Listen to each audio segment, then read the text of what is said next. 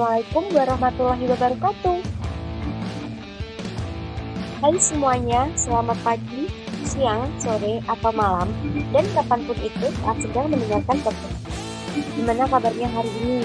Semoga tetap sehat dan semangat menjalani aktivitasnya di tengah pandemi COVID-19 ini.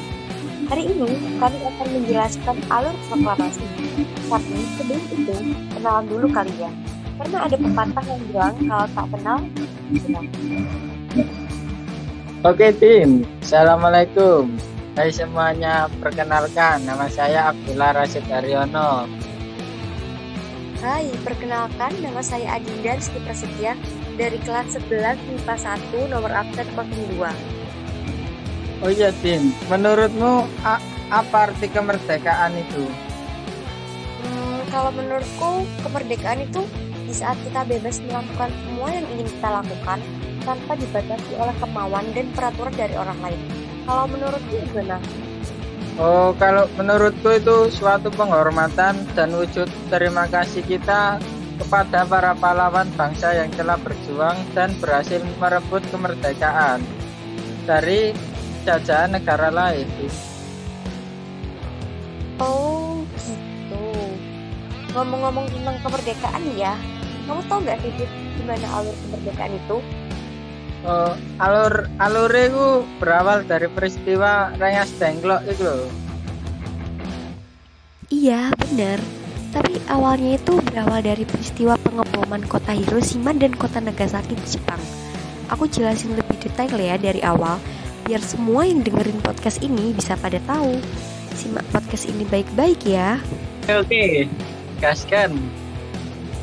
Jadi, proklamasi ini berawal dari pengeboman bom atom yang dijatuhkan di kota Hiroshima dan kota Nagasaki di Jepang, tepatnya pada tanggal 6 dan 9 Agustus tahun 1945 yang membuat Jepang menyerah kepada pihak Amerika dan pihak sekutu. Nah, momen ini dimanfaatkan oleh pihak Indonesia untuk memproklamasikan kemerdekaannya. Pada tanggal 9 Agustus 1945, Insinyur Soekarno, Muhammad Hatta, dan Regimen Diningrat diterbangkan ke kota Dalat, Vietnam untuk menemui Marsekal Terauchi, pimpinan tertinggi pasukan Jepang di Asia Tenggara. Mereka ini mendapat kabar kalau Jepang itu sudah diambang kekalahan dan akan memberikan kemerdekaan kepada Indonesia. Pada tanggal 10 Agustus 1945, Sultan Syahrir mendengar kabar dari radio nih kalau Jepang itu sudah menyerah kepada sekutu. Dan secara otomatis para pejuang ini ingin bersiap-siap untuk memproklamasikan kemerdekaannya dan menolak bentuk hadiah kemerdekaan dari Jepang. Karena mereka tuh beranggapan kalau Jepang aja udah kalah ngapain kita harus nunggu hadiah kemerdekaan dari Jepang? Ya kalau misalnya Jepang mau ngasih kemerdekaan ke kita kalau gak mau ngasih gimana? Itu mereka mikirnya. Terus setelah Soekarno balik nih ke Indonesia Sultan Syahrir itu buru-buru untuk mendesak Soekarno-Hatta agar segera memproklamasikan kemerdekaan. Karena beliau menganggap bahwa pertemuannya di kota Dalat itu hanya sebagai selir dari Jepang. Tapi nih ada perselisihan. Kamu tahu nggak sih perselisihannya itu antar siapa? Oh, kalau itu perselisihan golongan tua sama golongan muda. Ya bener banget. Perselisihan ini antara golongan tua sama golongan muda. Loh, loh, emangnya perselisihan ini tentang apa, Din? Bukannya mereka itu harus setuju sama golongan muda? Iya, benar sih. Golongan tua itu setuju sama golongan muda untuk memproklamasikan kemerdekaan. Nah, tapi nih mereka tuh masih ingin mempertimbangkan lagi dan gak mau buat buru-buru untuk memproklamasikan kemerdekaan Indonesia karena golongan tua itu takut waktu dibacain proklamasi itu ada pertumpahan darah Nah, selanjutnya mereka ingin berkonsultasi dalam bentuk rapat PPKI, yaitu Panitia Persiapan Kemerdekaan Indonesia. Tapi para golongan muda itu gak setuju. Mereka tuh berpikir kalau oh ala PPKI ini tuh dibuat oleh Jepang. Nah, kita tuh pinginnya merdeka karena usaha kita sendiri, bukan karena Jepang. Gitu sih ceritanya. Oh, oke okay, oke, okay. lanjut lanjut lanjut. Nah, lanjut nih ya. Pada tanggal 16 Agustus 1945, itu menjadi titik puncaknya. Para pejuang dari golongan muda seperti Koiro Soleh, Soekarni, Mikana, Subandrio, DN Aidit bersama Sodan Chosinggi, yakni seorang Peta, dan para pemuda lainnya. Mereka itu menjemput dan membawa Soekarno dan Muhammad Hatta ke Rengas Dengklok, Karawang. Nah, peristiwa ini disebut dengan peristiwa Rengas Dengklok. Dengan tujuan agar Soekarno dan Muhammad Hatta tidak terpengaruh oleh Jepang dan mereka meyakinkan kembali bahwa Jepang itu sebenarnya udah kalah. Jadi kita harus segera memproklamasikan kemerdekaan Indonesia. Dan kalau misalnya ada pertarungan atau serangan dari Jepang, para pejuang itu siap melawan Jepang apa pun resikonya. Terus, malam harinya nih, Soekarno dan Hatta kembali ke Jakarta untuk menyusun teks proklamasi. Teks ini disusun oleh Insinyur Soekarno, Muhammad Hatta, dan Ahmad Subarjo yang disaksikan oleh Soekarni, Burhanuddin Muhammadiyah, Komarudin Sudiro, dan Sayuti Melik. Penyusunan ini dilakukan di Rumah Angkatan Laut Jepang bernama Laksamana Tadashi Maeda di Jalan Imam Bonjol nomor 1 Menteng, Jakarta Pusat. Naskah proklamasi dalam bentuk konsep ini ditulis oleh Soekarno di kertas dari buku catatan. Nah, setelah selesai dicatat ini, dirapatkan dulu gimana dan ternyata waktu disetujuin naskah itu kemudian disalin dan diketik oleh Sayuti Melik menggunakan mesin ketik yang diambil dari kantor perwakilan Angkatan Laut Jerman milik Laut Kedokteran Herman Kandeler. Nah, naskah ketik ini disebut naskah proklamasi otentik, sedangkan naskah yang ditulis oleh Soekarno disebut naskah proklamasi kelak. Naskah, naskah asli yang telah diketik ini jatuh di tempat sampah dan dipungut oleh seorang wartawan bernama Burhanuddin Muhammadiyah lalu disimpan olehnya selama 46 tahun dan baru dikembalikan pada tanggal 29 Mei 1992 ke Presiden Soeharto. Naskah yang disimpannya selama 46 tahun, 9 bulan, dan 99 hari ini sebelum diketik oleh Said Melik, Bung Hatta itu menugaskan Burhanuddin untuk menggandakan atau memperbanyak teks proklamasi. Wala, oke oke, makasih. Jelas sih, Rek. Suanger. Oke, aku lanjut no penjelasan proklamasi ya. Siap. Nah, penyebaran berita proklamasi dilakukan secara tepat dan sembunyi-sembunyi.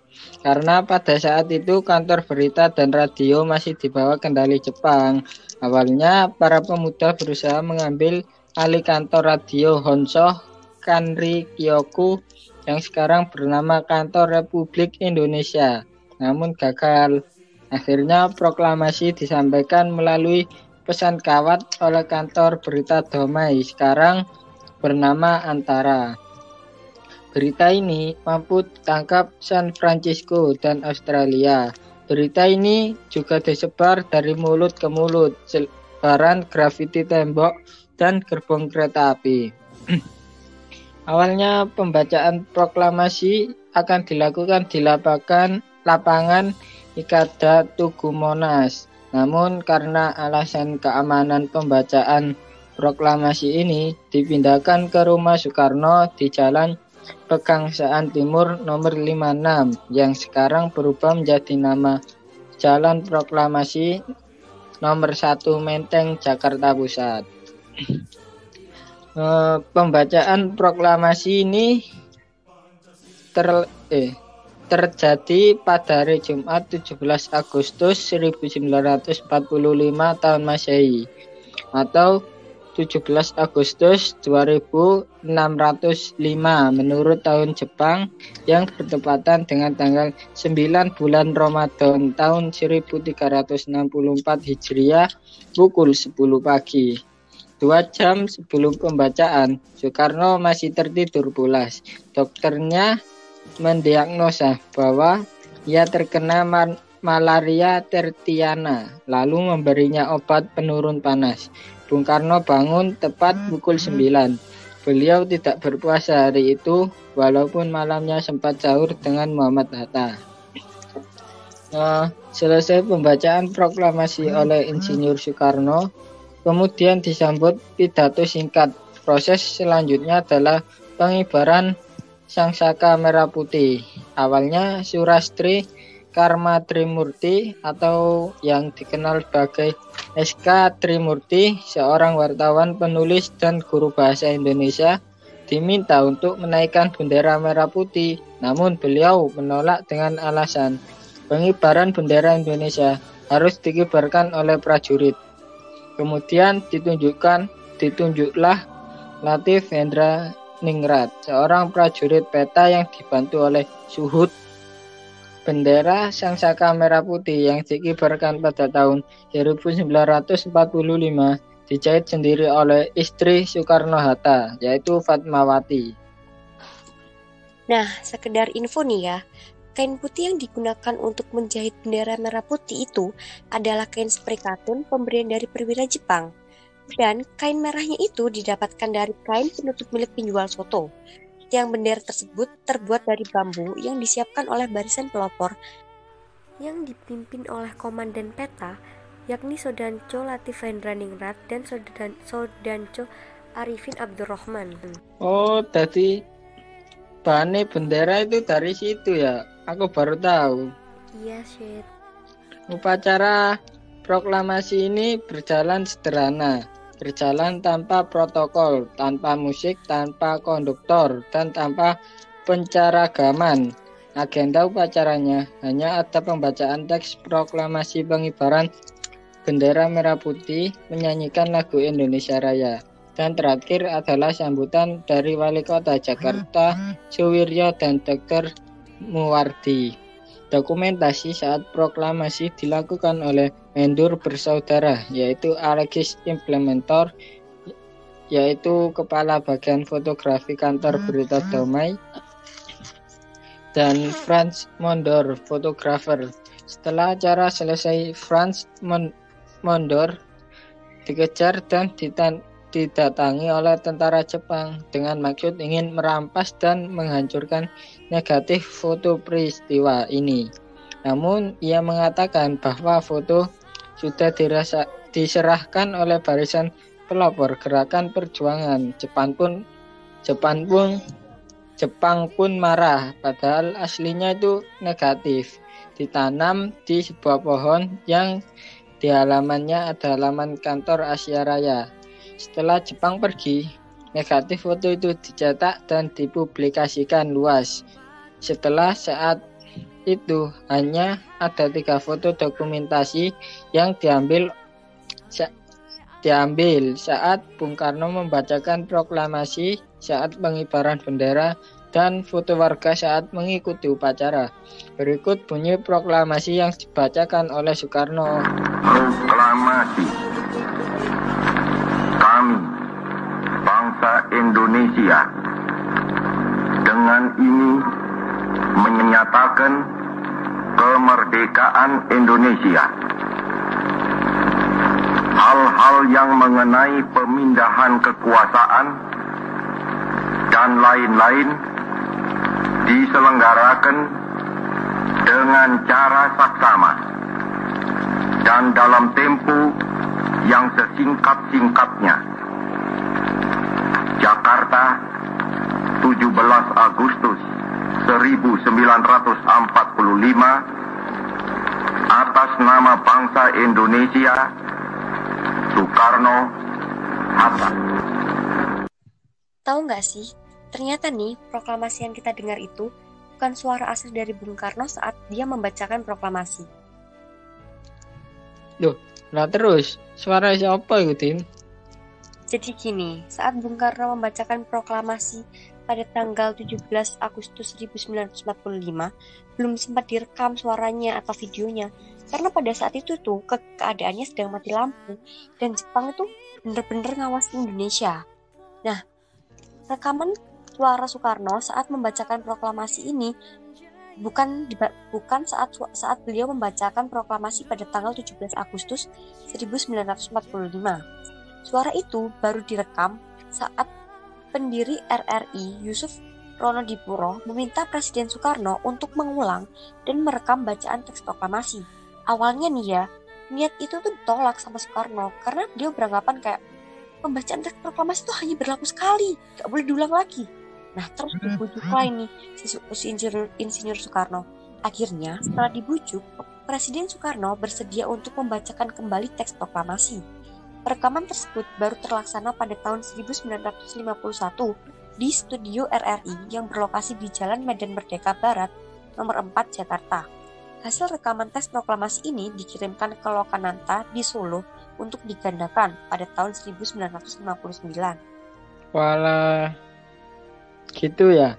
Kamu tahu gak sih, kalau awalnya proklamasi gak cuma ditandatangani sama Insinyur Soekarno dan Muhammad Hatta. Iya ta? Bukannya emang dari awal yang menandatangani itu Insinyur Soekarno sama Muhammad Hatta ya?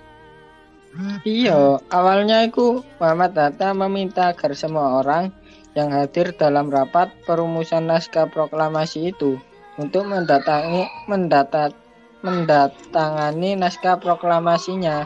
Namun usulan itu ditolak oleh Soekarni karena jika semua yang mendata menandatangani naskah proklamasi, maka proklamator akan berjumlah lebih dari dua orang. Oleh karena itu, akhirnya ditandatangani hanya oleh Insinyur Soekarno dan Muhammad Hatta. Gelar proklamator cara mendapatkan oleh Bung Karno dan Bung Hatta 41 tahun setelah Indonesia merdeka. Oh, jadi gitu guys. Ternyata gelar proklamator itu baru didapatkan oleh Bung Karno dan Bung Hatta setelah 41 tahun Indonesia merdeka. Eh, shit, kan Indonesia udah merdeka nih ya, udah terbebas dari penjajah toh. Menurutmu hal apa sih yang bisa kita lakuin untuk menjaga keutuhan NKRI? Oh, menurutku kalau zaman sekarang itu ya, eh, kita tidak melakukan tawuran antar pelajar, selalu menghormati masyarakat yang berbeda agama, menghargai pendapat orang lain, menghargai dan mentaati hukum yang berlaku di Indonesia jadi itu NKRI itu utuh saling menghormati dan saling menghargai. Kalau menurut pendapatmu, ya apa?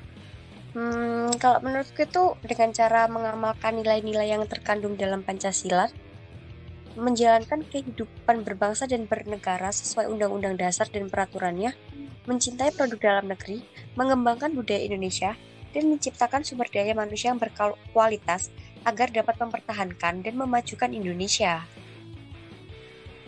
Hmm, masuk itu. Aku ono kuat sih. Sakit dalam perjuangan itu hanya sementara. Namun jika menyerah, rasa sakit itu akan terasa selamanya. Merdeka, salam merdeka. Oke, aku juga ada quotes nih. Perjuangan bangsa Indonesia bukan hanya dari masa lalu. Hari ini, hari esok, dan selamanya adalah perjuangan.